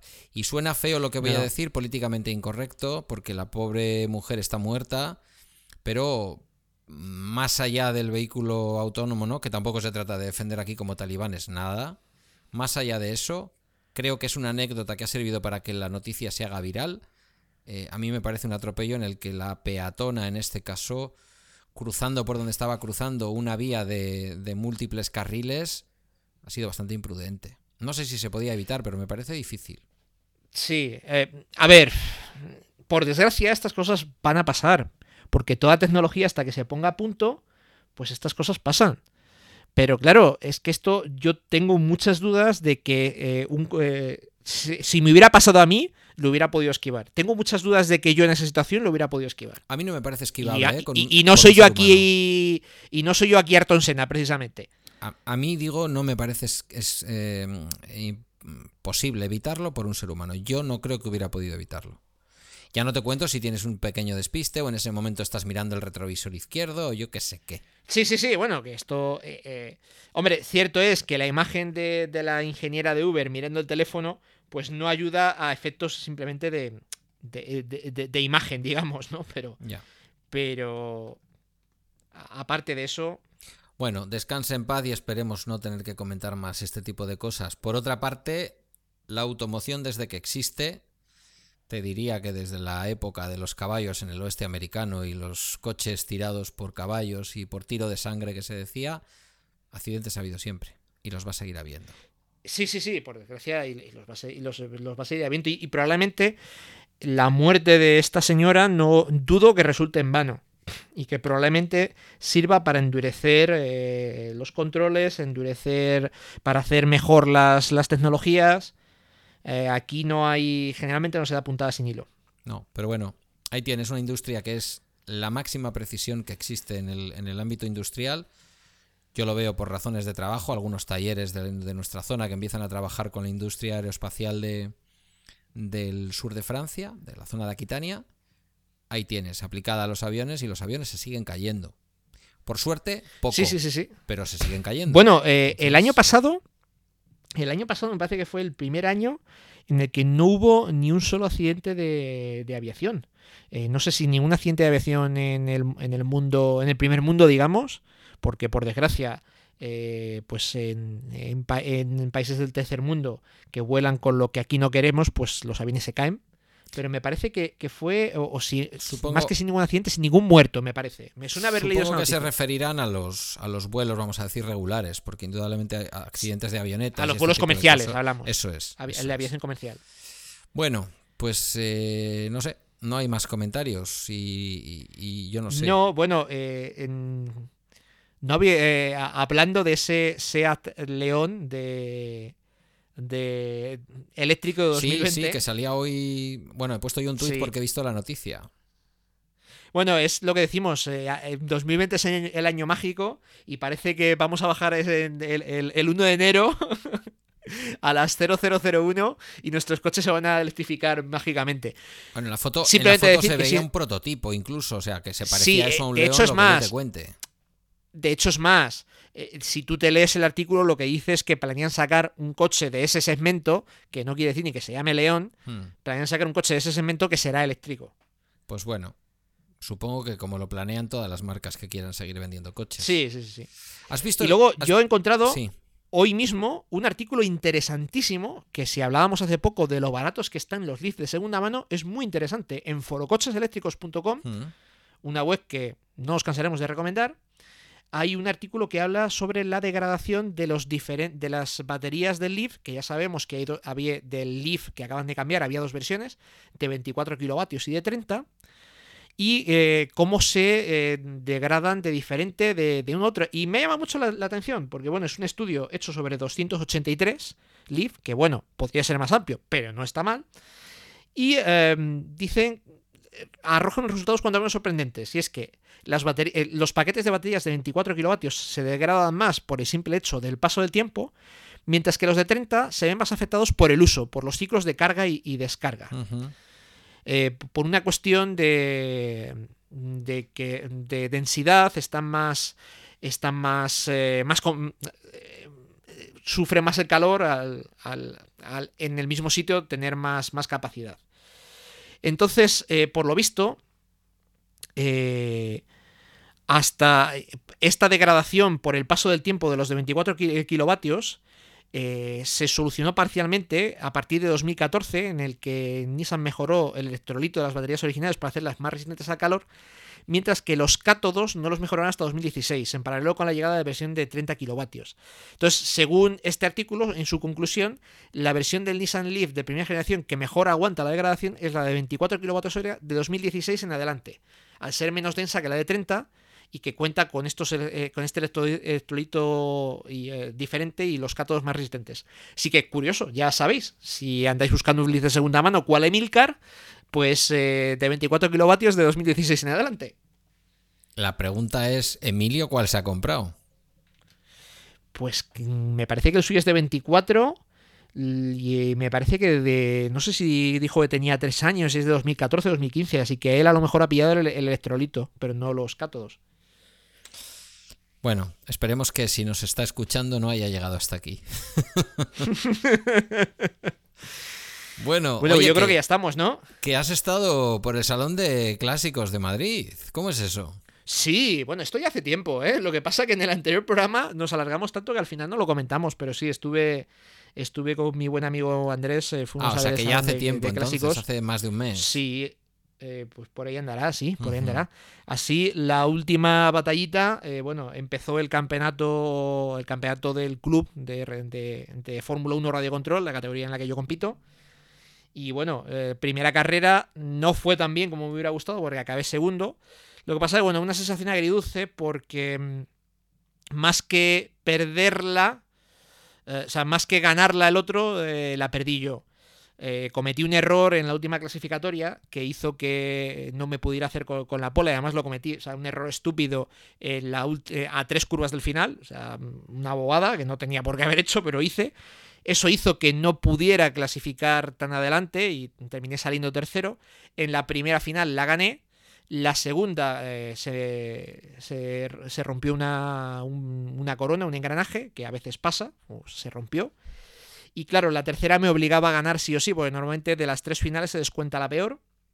Entonces yo el peor resultado ya le tenía con ese abandono y me obligaba a ganar sí o sí. Y claro, saliendo tercero, estando los coches tan igualados por reglamento, era muy difícil. Eh, y bueno, varios toques en la salida hizo, hicieron que al final solo pude acabar tercero. Y bueno, pues eh, un primero y un tercero equivale a un segundo, más o menos, y al final acabé segundo contento porque, bueno, pues eh, hay ritmo, eh, hay, eh, o sea, no es, no estás ahí por, por casualidad, sino porque vas rápido. Cabreado porque, bueno, pues si hubiera clasificado bien, habría salido primero y probablemente hubiera terminado ganando aún con esa, con esa rotura en la segunda final. Pero bueno, podremos ver más este fin de semana. De hecho, en cuanto cortemos aquí, edito rápido, lo subo y me pongo a preparar todo porque mañana a las seis y media salgo prontito para Madrid, para Getafe, eh, que eh, vamos a, correr una carrera eh, que hace como de carrera de preparación de un campeonato de Europa que va a haber en ese mismo circuito tres semanas después y vienen algunos pilotos oficiales de, la marca de mi coche, entonces puede estar interesante y para allá, para allá vamos a ir. A ver si te van a fichar, ¿eh? No dejes de hacer el podcast con nosotros, tío. no creo. Sinceramente, ya tuve una época en la que era piloto semioficial de una marca. Y em, aunque la fiesta me salía más barata, pero disfrutaba menos de la fiesta. Ya. Al final, las cosas hay que hacerlas porque te apetezcan. Claro que sí. En eso estoy completamente de acuerdo. Y si haces las cosas. Eh, bueno, a ver, que está muy bien poder dedicarte a algo que te gusta. Pero bueno. Hombre, si te. Mm, si fuese dedicación exclusiva no sé, porque ahora a mí no curro me mola mucho y tiene mucho futuro, pero si fuese dedicación exclusiva a lo mejor me lo planteaba, pero como, como en su día, que era pues eso, pues me pagaban parte de la fiesta, ni siquiera me pagaban toda la fiesta, al final lo único que hice fue rayarme y estar a punto de dejar el hobby, así que... Eh, a ver, que yo es mi punto de vista, que y muy loable que el que lo vea de otra manera, pero yo Así que nada, bueno, yo creo que. Si, con, si con un patrocinador no te llega para vivir de ello, siempre puedes complementar con lo que sacamos del podcast. Oh, sí, eh, monetizamos cero. y además queremos seguir haciéndolo así, ¿eh? No vaya a ser que alguno oyente se ponga a donarnos Yo siempre he dicho que aquí, estamos porque nos echamos unas risas. Os podríamos dejar una dirección de Patreon, pero no tenemos. no, no, no, no. Ahora, si aquí nos oye alguien con un mínimo de responsabilidad en alguna marca y que podría hacer que nos cedieran, aunque fuese durante una tarde, algún que otro coche para probarlo, estaríamos encantados. O un precio especial a nuestros oyentes, también. Un descuentito. También, aunque bueno, para eso ya tenemos a mi amigo Juan de Santander. Es verdad, es verdad. que ha vendido otro Auris ya, ¿eh? Sí, otro ¿eh? amigo mío. Ahora solo tienes que convencerle de que nos escuche. bueno, lo que te preguntaba, el Salón de Clásicos, ¿nos vas a contar algo?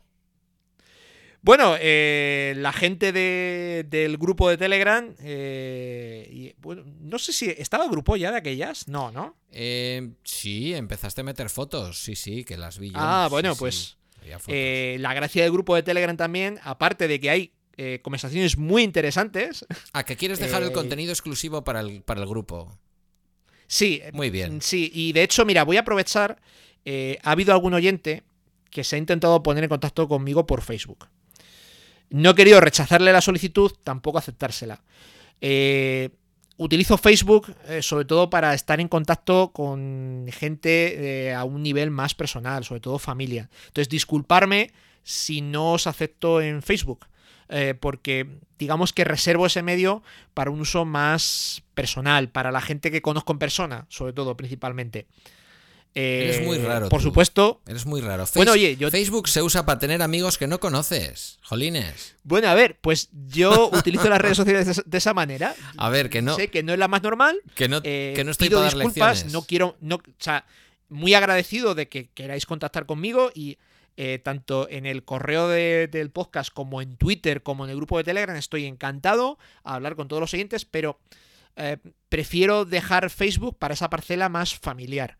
Es eh, una manera de organización, no es la de todo el mundo, pero es la mía. Y bueno, espero que nadie, que nadie se moleste y que este, que este oyente no se moleste. No quiero dar su nombre tampoco para, oye, pues por preservar, su intimidad. Pero simplemente es eso, no, no te he aceptado eh, porque dejo Facebook para un ámbito más familiar. Pues fíjate, tú dejas Facebook para un ámbito más familiar y yo el 5 de abril, que es la fecha que me han dado, dejo Facebook a secas. Ostras. Sí, hombre, sí. A raíz de todo este tema de Cambridge Sí, Analytica. Bueno, a raíz de que con el podcasting yo me he volcado más en Twitter y Facebook me parece que es siempre para lo mismo. Tengo muchos amigos que provienen del partido político en el que yo he estado militando muchos años, en el que ahora ya no milito. Siguen siendo mis amigos, ¿eh? yo no soy de esa gente rencorosa, pero verdaderamente es que ya no me interesa Facebook. A eso le añades que parece que han estado jugando con nuestros datos. Eh, en nuestro, A ver, en yo nuestro caso no nos, personalmente- no nos han intentado convencer de que votemos a, a Donald Trump porque no votamos en Estados Unidos, pero bueno, vete tú a saber. Personalmente yo mantengo Facebook porque es la manera que tengo de estar en contacto con ciertos familiares eh, que, viven, que viven lejos. Entonces, eh, yo no la, no la cierro, pero casi, casi podría. De hecho, es más, yo apenas publico contenido. eh, fuera parte de cuando publico alguna cosa en Instagram, creo que se pone automáticamente. Sí, porque son Apenas son de lo publico mismo, contenido. al final. Y es más mi mujer la que casi actualiza el estado de los dos. Esto es muy, muy divertido. La gente, la familia sabe un poco lo que está pasando con mi vida a través de ella. Que ella sí que es muy de Facebook y mucho de Facebook. Pues te digo una cosa, Pero- si no metes muchos datos y no haces mucha publicación, lo mismo aunque tú no te vayas, ellos te echan. Pues, Si no sé. les das datos, si no te interesan, igual te mandan a la Me calle. estás recordando a la película aquella de cortocircuito. Datos, datos, quiero datos. Bueno, que saben nuestros Entonces, oyentes eh, ya digo, que estamos volcados con no- no ellos. quiero- Mm, no, no quiero molestar a, oye, y, No, y halagado de que este oyente se haya querido poner que en contacto conmigo, eh, pero que, bueno, pues que, que me permita organizar mis redes sociales de esta manera. Y por supuesto, ya digo, el grupo de Telegram es una maravilla, hay conversaciones interesantísimas, eh, nuestros oyentes tienen mucho nivel y, y nada. Yo creo que ya estamos, ¿no, sí, Pedro? sí. Bueno, Eh, yo con, con horita y respecto a lo de media, a Telegram, lo tonto. yo en vacaciones prometo entrar más. Sí, porque incluso te hago alguna, te hago una mención y, y no, no vienes ni a decir hola, Hombre, mamón. si me haces menciones, sí, no digas eso. Y una leche. ¿Qué dices? Y una leche. Pues que ayer te hice una mención y todavía te estoy esperando. ¿Ayer? Ayer. ¿Seguro? ¿Como el ojo que ves? Seguro. sí, sí, sí. Ah, bueno, pues luego voy a mirar. Qué raro. Muy raro. Es casi a lo único a lo que entro a Telegram, a las menciones, a los grupos, ¿eh? Pero bueno, Sí. también ya sabes cómo es la vida, que a veces no da. Sí, sí, sí. No, sí, sí. sí, me, sí me pasa, me pasa a mí también. Contenido exclusivo. Este fin de semana, para luego que nos contarás la batallita, pero para verla bien. Sí, sí, sí. De hecho, de además, Telegram, tengo este intención de, semana. hacer algún que otro, algún que otro vídeo paseando un poco por los boxes para que se vea un poco Perfecto. el, el ambientillo. Perfecto. Y si no sabéis cómo descargar Telegram, preguntadnos. Os Por supuesto. enseguida. Pues nada, yo creo que estamos, ¿no, Pedro? Ya está. Pues. Felices vacaciones al que Próxima, las ¿no? Sí. Adiós.